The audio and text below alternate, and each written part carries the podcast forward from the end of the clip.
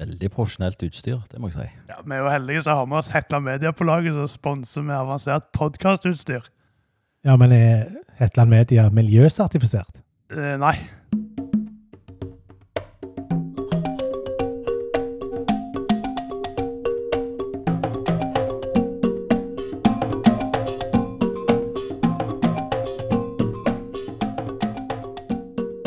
Og da er det min tur igjen å ønske hjertelig velkommen til Er du helt grønn? Grønnskallingene ja, Nå snakker du i munnen på meg. Grønnskallingene Roger og Morten sitter i studio, og eh, vi er da eh, altså en politisk unøytral podkast, pleier vi å si. Og det betyr at vi helt med vilje eh, prøver å ikke late som om vi er nøytrale. Vi har altså ei grønn slagside. Da er det tydeliggjort, og ingen eh, trenger føle seg lurt etterpå. Morten. Lurer du igjen på lyttertallet? Ja, det er det som pleier å komme nå. 19 episoder så langt. 1478 avspillinger. Det er fantastisk. Tenk om vi skulle gått rundt på 1478 dører og snakket om MDG. Jeg tror de hadde blitt irritert. Det er hvor påtrengende vi var, ja. Det slipper vi da, og de kan spise middag i fred. Og så er det jo sånn at når vi har lyttere, så kan det jo være at vi får noen tilbakemeldinger fra noen. Har du hørt noe? Det var en som hadde oppdaget podkasten vår nå ganske nylig, og skrev på et innlegg så jeg, jeg tror jeg la det ut for et år siden på Facebook. Der fikk vi en kommentar tilbake. Ja. Der står interkommunal tilbakemelding. Det betyr sikkert interkommunal for kortet. Så er det tre emojier som jeg ikke vet hva heter. Så står det videre. Det er en stund siden jeg ble gjort oppmerksom på at denne miljøradioen fantes, men har nå hørt alle episodene på Spotify. Mortens pragmatiske syn på miljøpolitikk, forbundet med Rogers syn på hva som bør være det overordnede tema i dagens politikk, har inspirert meg til å melde meg inn i det lokale MDG-partiet. Men jeg er for tiden aktiv reketråler. Er det greit å bruke fossilt drivstoff for å fange mat? Spørsmålstegn. Det var mitt spørsmål. Så skrev han videre det. Mitt ønske er at Kleivaland gård og eller Tøtlandsvik skal nevnes i herlige Hjelmeland. Med vennlig hilsen Tor Jesper Johannessen. Ja, takk for tilbakemelding. Takk Tor for det. Takk, takk. Skal vi ta spørsmålet med en gang nå? Skal vi svare han på det? Hva syns du, Roger? Er det greit å bruke fossilt drivstoff til å fange mat? Det må jo være greit. Helt til det er et reelt alternativ. Ja, altså Hvis det er rimelig for denne reketråleren også å få bytte ut f.eks. til elektrisk drivkraft, så kan det være lurt. Ja, men vi har jo vært inne på det tidligere, at uh, før så har mange miljøorganisasjoner sånn pekt på folk og sagt du må skjerpe deg, du må snu, og du må gjøre alt mulig for klima og miljø. Jeg mener at det er en umulig eh, innfallsvinkel som skaper dårlig samvittighet hos folk. Det er vi politikere som må ta ansvar for å legge til rette for at eh, det er mulig å gjennomføre, og at eh, det er faktisk økonomisk bra. Og det husker dere gjerne, dere som har fulgt oss hele tida, fra episode 18. Da snakket vi om dette, at uh, forskninga viser at en bør ha en rundt røftlig 10 000, altså et bygdesamfunn, litt større enn Hjelmeland da. Eksempel Ryfylke, hvis hele Ryfylke går sammen om en løsning. Mm. For eksempel søppelinnsamlinga kan en gjøre noe med, men hvis hver enkelt person skal måtte ta ansvar for sine handlinger, får en ikke så stor uttelling for. For å få uttelling så må det være 10 000 eller mer. Det er det mest effektive og letteste å gjennomføre. Ja, Så tilrettelegging for ei, ei større gruppe, det er effektivt. Mm. Så Tor Jesper, trål i vei. Og eh, gi oss reker. eh, ha god samvittighet. Det viktige er at du har meldt deg inn i MDG, for da kan du være med og påvirke, sånn at eh, han som eier reketråleren, faktisk får muligheten til å bytte det ut med noe som ikke er så belastende for miljøet. Jeg lurer på, Morten, hva har du gjort siden forrige gang vi satt her i studio? Jeg vil trekke fram to prosjekter jeg har begynt på. Ja. Jeg klarer jo ikke la være å holde på med et eller annet. Du holder på å holde på? Ja. Det ene er jo at eh, du òg har blitt med på eh, å lage nytt show med Dvaskemenn. Ja, det blir kult. Så da satser vi på at eh, i romjula så har vi noe løye å vise fram. Ja, det- jeg er helt sikker på vi har det. Jeg, jeg fortalte for en kompis eh, som er hjemgammel med meg eh, sist vi hadde show, at eh, ja, du trenger ikke forvente så mye. Det er bare sånn humrehumor, sa jeg. Det, det, det er sikkert ikke sånn som passer for deg. Så så den i salen og holdt på å le seg skakk, vet du. Du snakket oss ned på forhånd. Jo, men jeg tenkte dette passer ikke for han i det hele tatt, og så feil kunne jeg ta. Han digga det jo. Ja, men det er en god strategi, det. For hvis du eh, på en måte snakker oss for mye opp, da er forventningene så høye at folk gjerne blir litt skuffa. Det er en lur strategi, Morten. Da, da kan jeg fortsette med å snakke oss ned. Ja. Vi heter jo tross alt dvaske menn. ja. Snakk drit om oss. Ja, sant. Nei, men det andre prosjektet, Mhm. eh, det er rett og slett å begynne å dokumentere Hjelmeland Teaters historie. Oi, det høres ut som litt av en jobb. Det er en voldelig jobb. Hjelmeland Teater fyller 40 år neste år. Så vi har allerede begynt på eh, arbeidet med å snakke med folk som har vært med helt ifra de starta i 1983 og Ja. helt fram til i dag. Både unger og voksne ungdommer, folk som har vært med før, og folk som fortsatt er aktive. Alt fra instruktører til aktører til musikere. Ja, Veldig spennende prosjekt. Så dere snakker med de. Hva vil dere bruke den snakkinga til? Det det jeg prøver å dukke ned i, er jo hva teater har betydd for lokalsamfunnet. Samtidig som vi skal prøve å finne ut hva betyr teater for hvert enkelt menneske som er med. Ja. Og det vil komme ut på Det kom ut i 2023 i forbindelse med 40-årsjubileumsfesten. Mm. Ja, som ei bok, eller som en Nei, å ja, nei, det glemte jeg igjen å si. En dokumentarfilm. Ja. Jeg vet ikke om det kan være du sa det, men jeg Det fikk det ikke med meg. Så eh, rett og slett en dokumentarfilm om Hjelmeland Teaters historie. Stilig. Men eh, du, Roger, hvis du skal plukke ut ett eller to, eller gjerne tre òg, hvis du vil, høydepunkt. Ja, om jeg vil kalle høydepunkt, vet jeg ikke, men jeg har fått meg krøller. Det har jeg òg. Ja. Men jeg ser ikke dine. Ser du ikke krøllene mine? Nei, det er ikke på hodet. Å nei. Nei, det er en helt annen plass. Ja. Hva skjedde med øynene dine nå, Morten? Nei, jeg flakka med blikket og tenkte Ja. at dette, nå vil jeg ikke lage meg bilder i hodet. Det hele begynte med at eh, nå lager ikke jeg pizza like ofte som før, for at eh, ungdommene er jo flytta ut. Men jeg og Gry eh, tenkte ja, nå lager vi pizza, og så, ja, så gjorde jeg det. Um, så eh, skulle jeg legge på tallerkenen til henne, alltid damene først, og der vipper plutselig det pizzastykket ned av tallerkenen mens jeg prøver å ta oppå et annet, eh, og da er jeg lynkjapp. Jeg er alltid lynkjapp når sånt skjer. Hiver hånda ned rundt og vipper pizzastykket opp igjen, sånn at det svirrer halvannen runde i lufta, og lander på den armen til den hånda som holder tallerkenen. Ja. Og når et pizzastykke kommer rett ut av ovnen, så er det mer enn halvlunka. Det landa da akkurat på underarmen der, og eh, jeg var lynkjapp med å ta det vekk. Og så prøvde jeg å dandere det så Gry ikke kunne se at det hadde skjedd noe, og så gikk jeg og serverte henne pizza. Og så merka jeg etterpå at det kjentes ut som at jeg hadde, eh, hadde mer saus på, på armen, selv om jeg hadde vaska den. Jeg gikk og kjente på det hele kvelden, og jeg gikk og vaska meg to ganger, det gikk ikke vekk. Så viste det seg det at varmen fra pizzasausen hadde lagt krøller akkurat på et område nede på armen. Det, er ikke lett å se, men du kan kjenne det. Etterpå skal du få kjenne barmen min. Kan jeg få kjenne barmen, ja? Ja. Så gild du er. Så det er en av de tingene jeg har holdt på med siden forrige gang.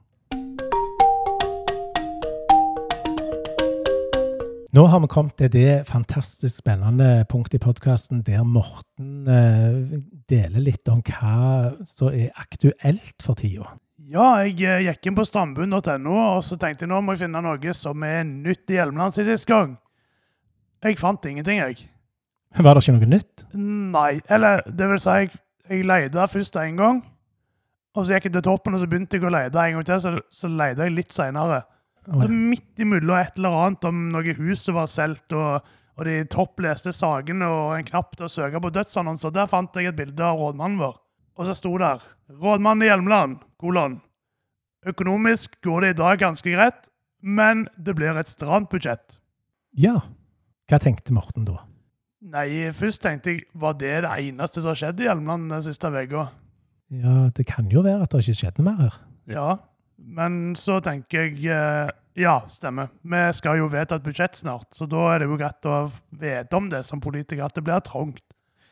Å ja, så, ja, så da fikk du beskjed gjennom strandbuen da, at det blir trangt? Nei, vi har jo visst det lenge. Å at du har visst det? Ja, ja, det har vi visst det i fjor, så det er ikke noen nyhet i så måte. Men, eh, men det var nytt for Strandbuen, og de tok det opp nå. Ja. De tenkte Så- gjerne at det hadde skjedd nå, at, de hadde at rådmannen tenkte det var stramt. Ja, De, de kobla det til tertialrapporten for andre tertial etter de første åtte månedene av 2022 så ser de at vi har et avvik i positiv retning på om lag 9 millioner kroner, sammenlignet med budsjettet for 2022. Ja. Så vi går, sånn som det ser ut nå, så sikter vi mot et positivt årsresultat dette året òg. At vi har litt mer penger å legge til side og spare til disse store prosjektene vi vil til med. Ja, så det blir stramt for vi har noen store prosjekt. Ja, det kommer i neste runde. Og da eh, har vi jo f.eks. den nye ungdomsskolen som kommer til å bli dyre.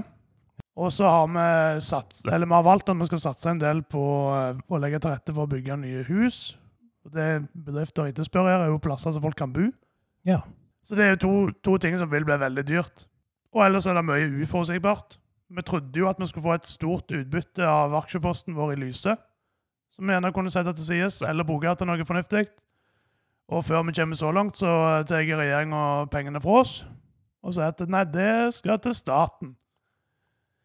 Det er ikke fint. Nei, jeg syns ikke heller det. Men jeg tror ikke de bryr seg. Nei. Og så vet vi ikke noe om vi får noe igjen av Havbruksfondet, og eventuelt hvor mye. Så det, det er litt for mye uforutsigbart. Vi betaler, vi betaler mer for strømmen, Ja. og så får vi ikke det ekstraordinære utbyttet av lyset som vi trodde vi skulle få. Og så skal vi bruke ganske mye penger. Så det er liksom oppsummert, og at det blir et stramt budsjett. Får inn mindre penger, går ut mer penger, og ja, ja det høres stramt ut. Men vi holder jo på med mye. Ja, det skjer jo mye i Hjelmeland, selv om det ikke ser sånn ut. Ja. Og MDG, hva har vi gjort? Vi har vært med i Areal- og forvaltningsutvalget og kommunestyret siden sist gang. Ja. Og der har vi bl.a. snakket om områdeplanen for Hjelmeland sentrum. Og en områdeplan, det er altså Da kan du tenke at eh, vi går litt lenger inn i detaljene enn en kommuneplan. OK, så det er en del av kommuneplanen? Eller? Ja, på en måte. Det, det er liksom planverk i kommunene. Sånn lag på lag på lag på lag. Så du kan eh, zoome deg helt ut, så har du kommuneplan. Ja. Sånn helt overordna eller under. Så det er liksom grunnlaget. Sånn vil vi ha det. Den ligger i bånn? Og så kan du legge oppå der nye områdeplaner eller detaljreguleringsplaner. Ah. Jeg trenger å lære dette her. Ja, ja, ja. Ja, men det var bra. Ja. Så da har vi vedtatt en områdeplan for Hjelmeland sentrum.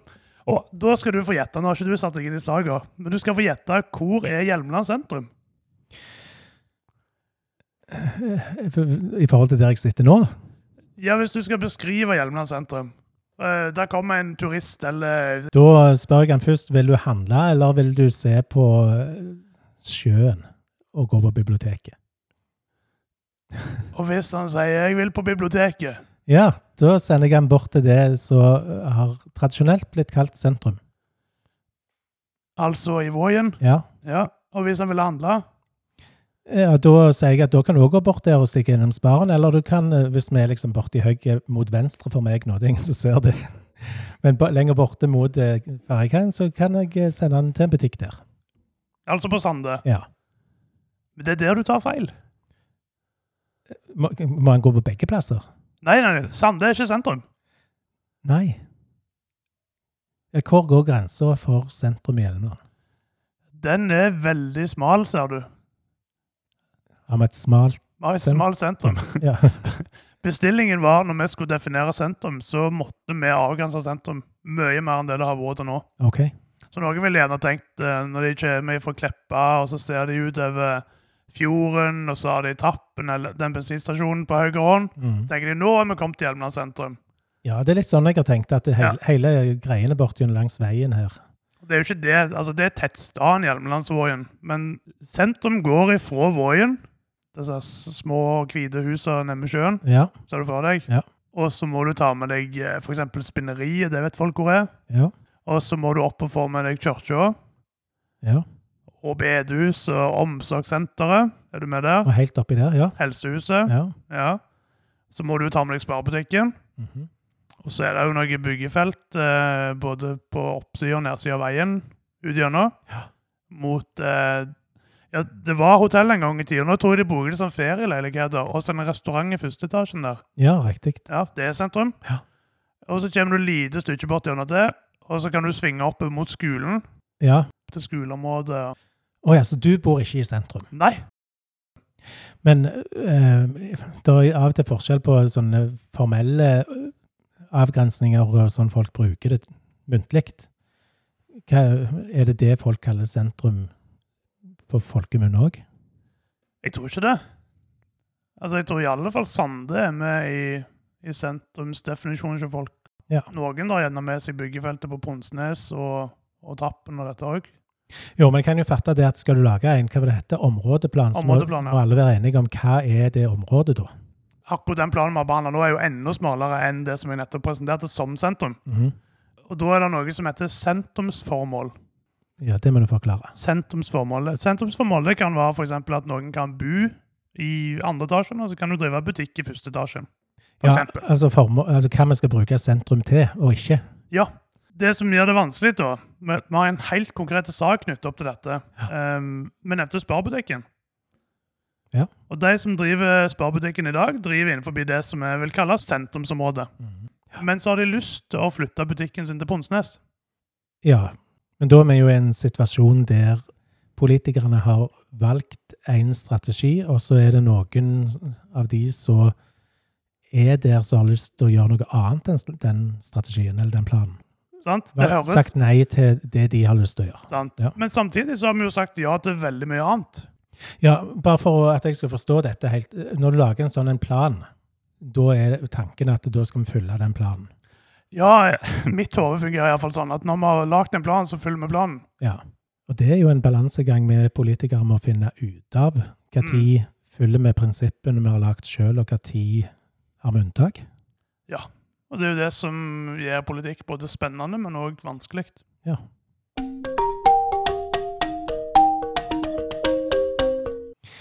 Vi er ikke alene, Morten. Her har vi da en kar på besøk. Vil du presentere deg sjøl? Ja, jeg heter Ståle Halsene. Velkommen. Takk for det. Og du representerer et parti. Ja, det gjør jeg. Kristelig Folkeparti, eller KrF, som vi sier. Ja.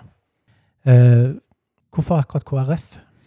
Nei, det handler om at uh, jeg, jeg, er, jeg er jo kristen sånn sett. I, altså, da har det mye med rett og slett synet på verden å gjøre. Altså hva, hva type verdenssyn og menneskesyn er det jeg ha, har innerst inne. Og da gir det best gjenklang i KrF. Ja. Spesielt i menneskesynet. Politikk handler mange ganger om uenighet og om å kjempe for ulike ting. Ja, det politiske systemet vårt er flott på den måten at eh, eh, vi er uenige. Eh, vi fører fram våre argumenter, og så stemmer vi. Ja, så blir det Ja. tatt et valg. Og det er jo da demokratisk ut fra hvem som vinner. Ja. Men alle får sagt sitt. Men det kan jo være litt forterende òg. Ja, det kan det. Ja. ja. den kjenner vi jo på av og til.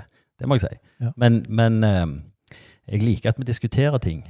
Så jeg er mer der at når jeg går hjem fra et kommunestyre og vi ikke har hatt noe særlig diskusjon, så syns jeg det har vært litt kjedelig. Ja. Ja.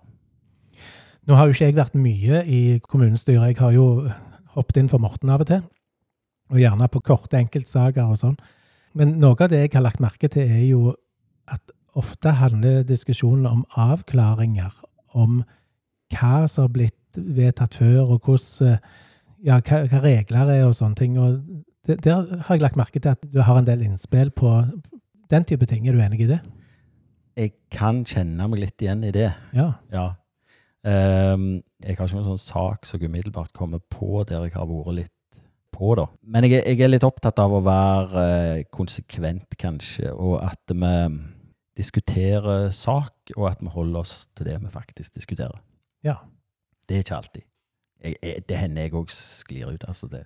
Jo, men vi kan jo dra i retning av noe. Ja, det er det som er viktig. Hva er det kjekkeste du har vært med på? Nå diskuterte dere sentrumsplanen. Den har jeg eh, Ja, den har jeg likt. Og det, mm, det vært en, en eh, bra sak, syns jeg. Det, det arbeidet vi har gjort der, det, eh, det mener jeg er veldig viktig. Ja. Eh, For det at eh, sentrum er viktig for mange ting, ikke bare for Nå diskuterte vi handel her nå. Handel er viktig, men eh, eh, sentrum er jo òg eh, ja, litt av Hva skal jeg si Det som definerer Hjelmeland. Og da handler det om hva vi legger til rette, og hva vi vil legge til rette for i sentrum. Og da handler det om boligpolitikk, eh. Kultur, Mm. eh, helse og omsorg. Eh, handel, ja. Altså at alle disse tinga er innenfor en radio som gjør at folk da kan f.eks. gå og Ja, uten å måtte bruke bilen hele veien. Det handler f.eks. om at eh, eldre folk kan bo lenger hjemme fordi de bor så sentrumsnært at de kan få den hjelpa de trenger. Ja. Eh, masse sånne ting. Så det syns jeg er viktig. Den, den saken engasjerte du deg mye i. og Ja. Er det noen ting i det, den planen som du, du var med på en måte å dra inn? Nei, jeg vet, jeg vet ikke akkurat det. Det er vel mer totalen. Men jeg har vært opptatt av at de åpner for handel andre plasser enn i sentrum. Det vil uh, svekke denne planen. Så der har jeg òg, i likhet med Morten, vært- prøvd å være konsekvente. Ja. Nei, ellers, så, ellers så er jo dette en lang prosess. Ja. Så kommunen har brukt veldig mye tid på dette, og rådmannen og staben har jo arbeidet veldig bra med denne planen. Mm. Det må jeg si. Du hadde en ting til? Ja, det er um, I dag fikk jeg et brev i postkassen. Oi. Der sto det at um, i neste uke så skal de legge trekkerør til fiber opp til Espeland, der jeg bor. Da, da slipper du å høre på, på de lydene fra Hva heter det der som lagde lyd før i tida? Det modemlydene. Modemlyden? Vi er ikke helt der. Vi har- har modernisert oss litt. Men eh, internett i dag, det må alle ha. Ja. Og uh, i en såpass grisgrendte kommune som, som vi er, der folk bor veldig spredt, så er faktisk eh, dekningen veldig variert. Ja. Så det har vært kjempeviktig for KrF å, å arbeide fram at alle i kommunen skal ha en fi muligheten i alle fall, til å få en fibertråd inn i huset sitt. Og da fikk du det svart på hvitt? Det fikk fikk jeg i dag. Ja. Eh, men, men det var en sak som jeg kjørte fram eh, ganske tungt etter valget. Uh, preste litt på de andre partiene at dette er noe kommunen må ta ansvaret for. Fordi at eh, dette handler om infrastruktur, Mm. rett og slett. Dette handler om å legge til rette for at folk kan bo eh, hvor de vil i Hjelmeland. Og det vi så eh, kanskje spesielt under pandemien, i alle fall oppe hos oss, det var at når flere ungdommer skulle på eh, nettskole, altså Teams, Mm. og jeg skulle ha hjemmekontor, så gikk ikke det. Da var det fullt på linja. Da var det fullt. Ja.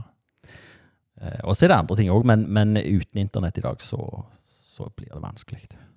ja, det, verden endrer seg, og behovet blir Ja. annerledes. Så fikk vi kommunestyret med på dette. Det vil si det ble faktisk kniving om eh, hvem som ville love det ferdig først. Oi. Så det, det ender jo med at vi, kommunestyret slutta seg til at vi skal ha dette på plass innen 2025. Ja. Og det ser det ut for at vi skal klare. Ja, kjekt. Jeg kobla meg på i fjor og fikk gravd opp hele hagen min. Og har brukt mye tid etterpå for å rydde og renske i det. Men det var veldig greit. Ja, kjekt å høre. Um, er det noe noe du har lyst til å si nå mot slutten? Jeg må jo si um, at jeg syns det var kjekt å bli invitert. Ja. For uh, jeg tror ikke det er andre partier som har podkast. Er det det? KrF har i alle fall ikke. Men uansett, det var kjekt å bli invitert, og det jeg skal innrømme det at jeg har snikhørt på disse podkastene før òg. Du har det, ja? Ja, jeg har det. Så du er i ferd med å bli grønn-blå, eller noe sånt? Nei, nei det Nei. Du skal ikke ha det på deg. Nei, nei foreløpig er jeg gul. Du er gul, ja. Nå, er, nå har Morten sagt noen ganger her etter vi har snakket om politikk eh, i forskjellige anledninger i podkasten, så sier han politikk virker. Ja. Er det din opplevelse at eh, i Hjelmeland er det mulig å være med å påvirke og, og gjøre eh, samfunnet annerledes? Ja, uten tvil. Ja. Og det som er kjekt i Hjelmeland, det er det sikkert mange andre plasser òg, men jeg har kun erfaring fra politisk arbeid i Hjelmeland. Ja. Eh, Og da er det det at vi er jo en relativt liten kommune, egentlig, i folketall. Ja. Vi er, vi er store i utstrekning, men i folketall så kunne vi godt vært flere. Men det gjør jo at det er eh, nokså nok nokså greit å komme til, hvis Ja. du vil. Ja. Så hvis du vil engasjere deg politisk i Hjelmeland, så tror jeg du blir tatt imot med veldig åpne armer. Ja, jeg har inntrykk av det, Ja. og har opplevd det. Så bra. Da sier jeg eh, tusen takk for at du ville være med oss her. Ja, og jeg sier tusen takk for at jeg fikk være med.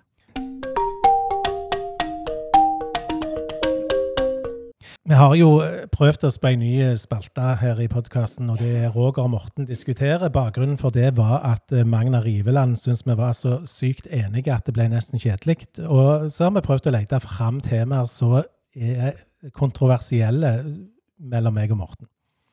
Eh, I dag, hva er det vi skal diskutere i dag, Morten? Stikkordet er privatisering.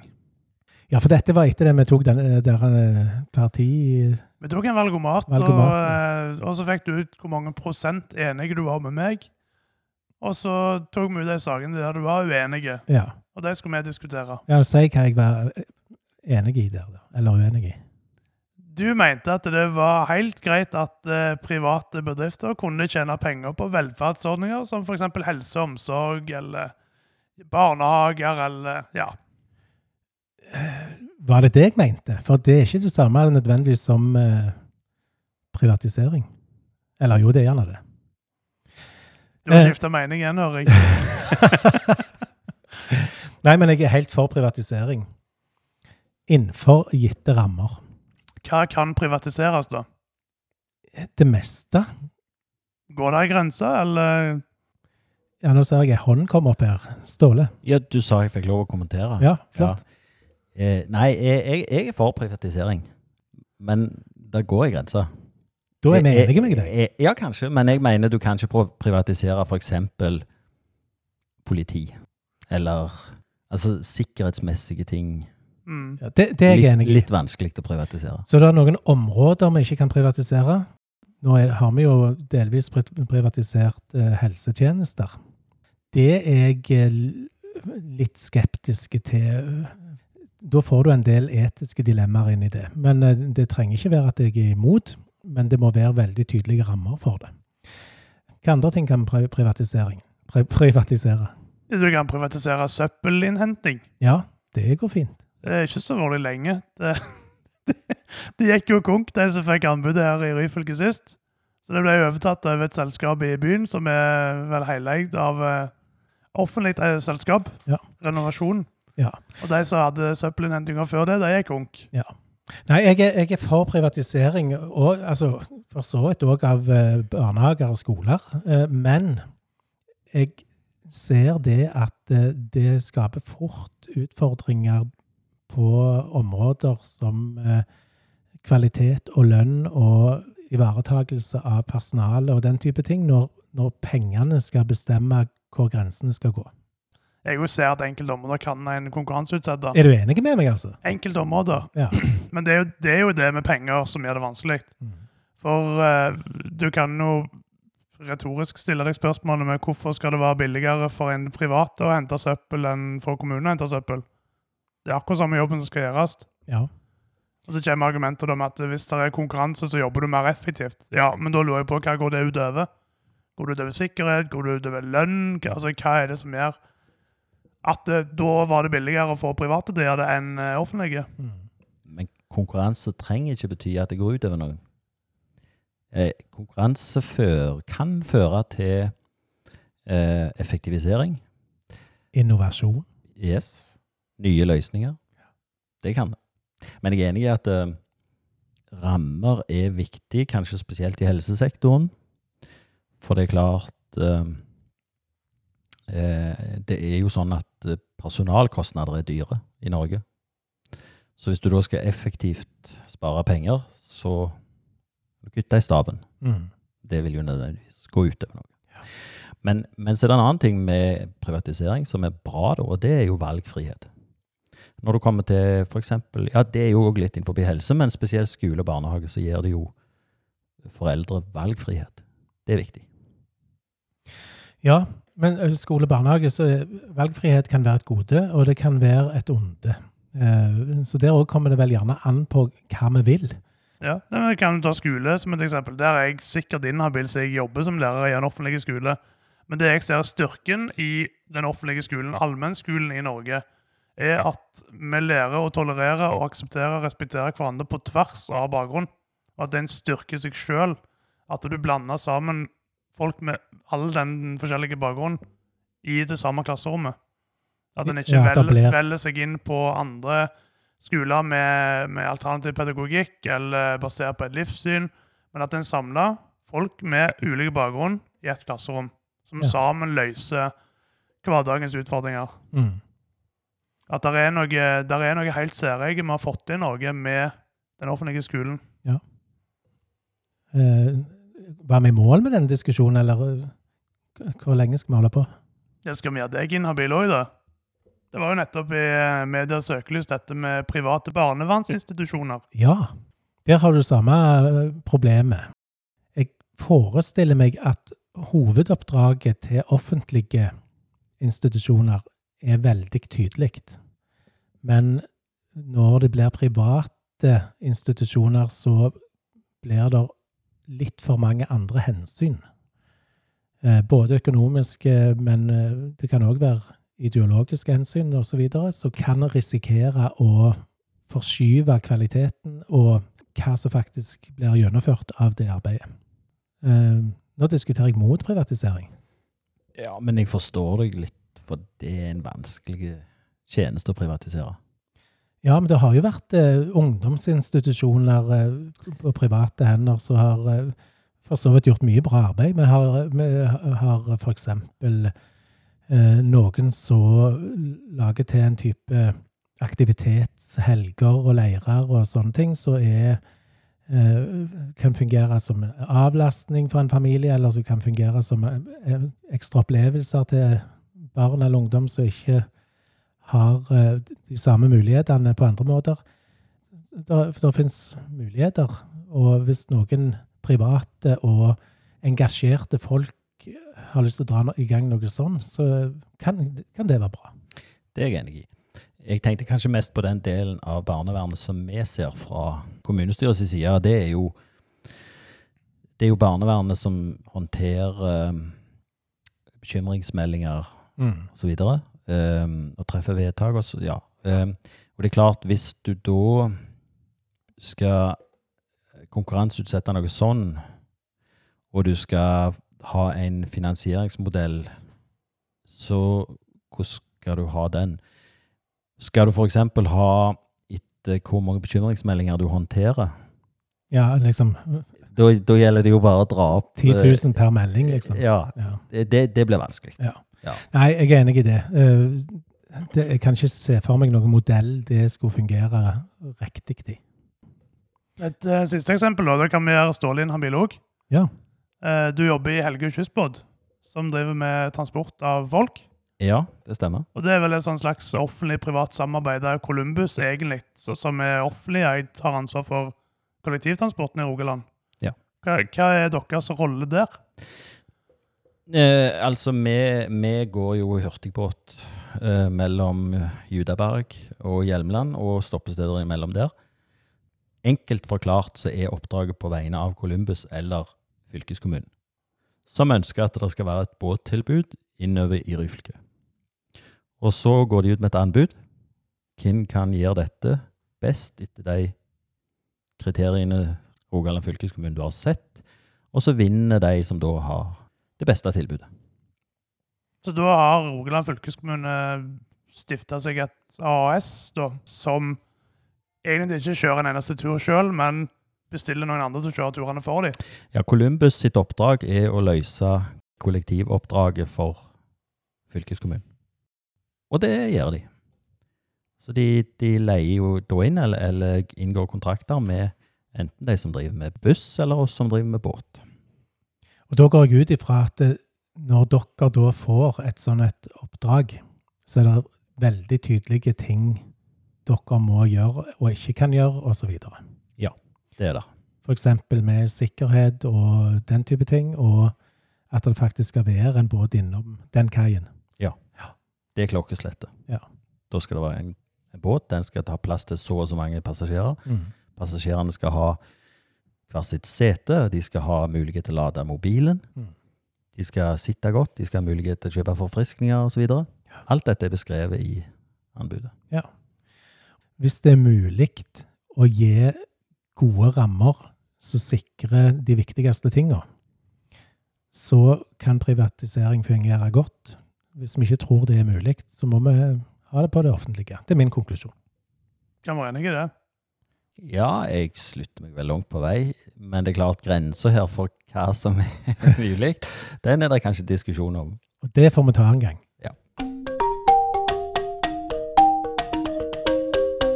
Da har vi kommet til spalta som heter Herlige Hjelmeland!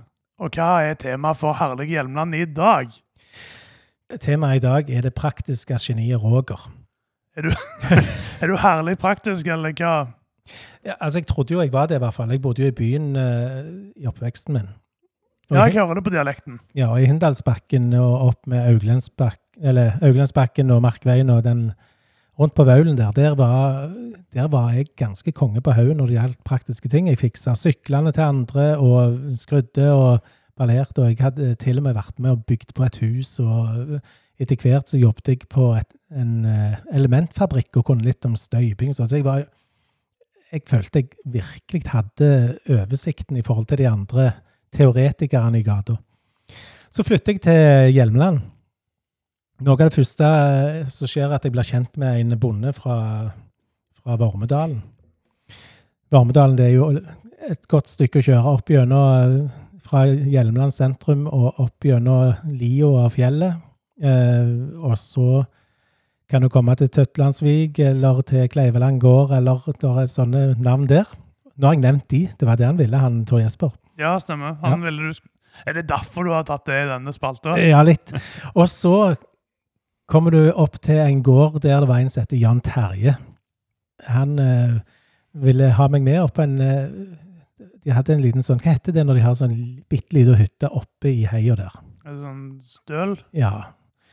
Han hadde gammel stølshytte der oppe der det var det var ikke beine planker, det var sånne som de sikkert hadde funnet i myra der borte, så oppi taket, så liksom svingte seg opp gjennom. Fantastisk koselige hytter med noen never på taket og sånn. Vi skulle opp der og, med noe utstyr og fikse litt på den hytta. Jeg fikk kjøre firehjulstrekte traktor for første gang i livet mitt. Og han kjørte en eh, sekshjuling med tilhenger med noe utstyr bakpå. Opp gjennom, og der kom vi Det gikk helt fint. eh, Helt til vi kom til en ganske bratt eh, sånn stein... eh, Hva skal jeg kalle det? Bakke. Med en del grus og sand og stein i. Og det som skjer, er at han kjører rett opp der, og jeg kjører rett opp helt til han begynner å hoppe litt til sida denne traktoren og trilte på noen steiner. Og jeg prøver å svinge og gi litt gass og litt sånn, og så jobber litt med å komme meg opp, og så sier det knikk, eller gunk, eller jeg husker ikke helt hva lyd det var. Og så kan jeg jo ikke svinge. Så går det et kvarter, og så oppdager han endelig at jeg ikke henger med, og så kjører han ned igjen etter meg, og der ser han meg sitte og sture i en traktor og ikke aner hva aner hva jeg skal gjøre. Han stopper og kikker, og ja, se her, Styreslaget er røket. Oi, tenker jeg, da har jeg ødelagt traktoren, da må jeg kjøpe ny traktor. Eh, nei, det er bare hopp, hopp bakpå, sier han. Og så tar han først og måler et eller annet eh, metermål og litt sånn, og så kjører han oss begge to ned igjen til der han bor. I løpet av en halvtime der ser jeg han går og plukker litt fra en kasse og tar opp noen, en pinne med ei kule på, og så tar han fram eh, noe så han kan eh, sage av dette, en vinkelsliper, så han kan kappe litt, og så sveiseapparat og litt sånn, og så bygger han seg nytt styresdag, og så når det er ferdig, så Uh, tar han det med seg og sier hopp på. Så kjører vi opp til traktoren, så banker han dette her på på en eller annen måte, og kjører traktoren opp på toppen av den lille fjellknausen. Så sier han sånn, nå kan du kjøre videre. Da oppdaget jeg at eh, Hjelmelandsfolk er mer praktiske enn Vaulen-folk. Herlige Hjelmeland.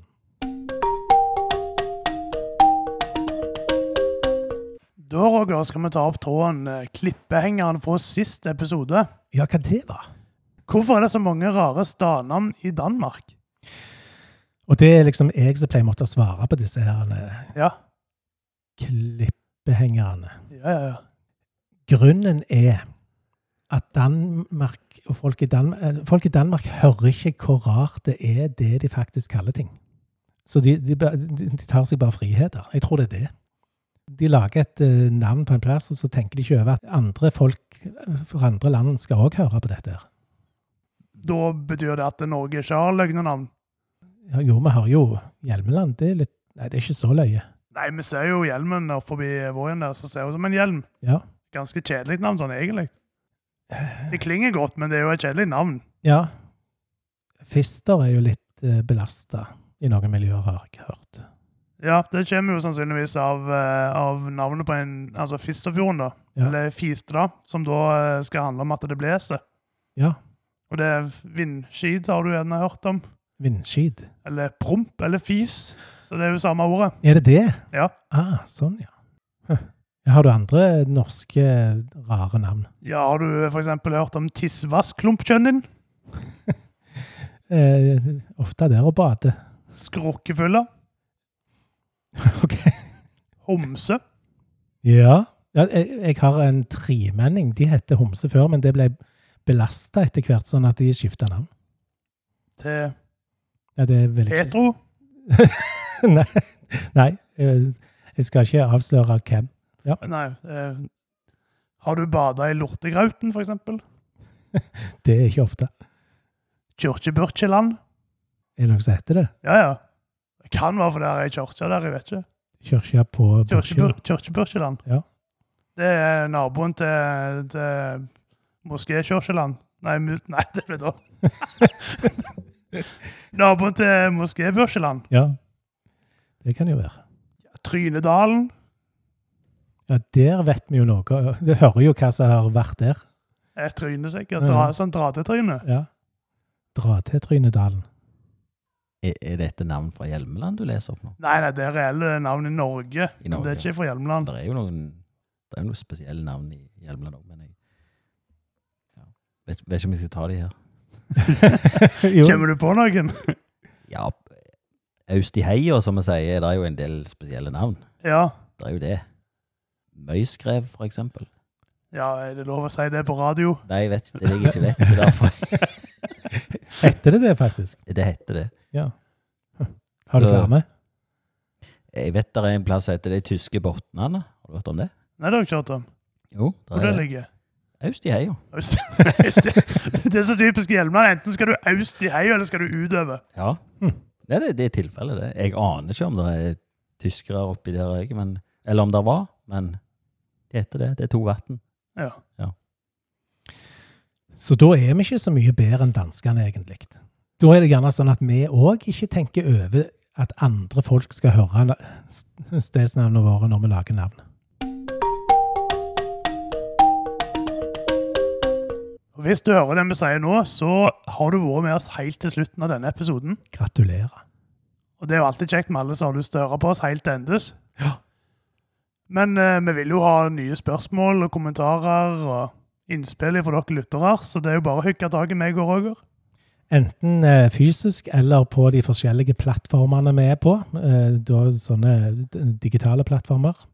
Jeg foretrekker SMS til 45436905. Jeg gjentar 45436905. Ja. Føl dere fri. Gi oss tilbakemelding. Mein noe. Og da er det bare å slutte med klippehengeren til neste episode. Ja, hva det kan være. Hvorfor har fargen blå blitt forbundet med å være litt nedfor? I feel blue.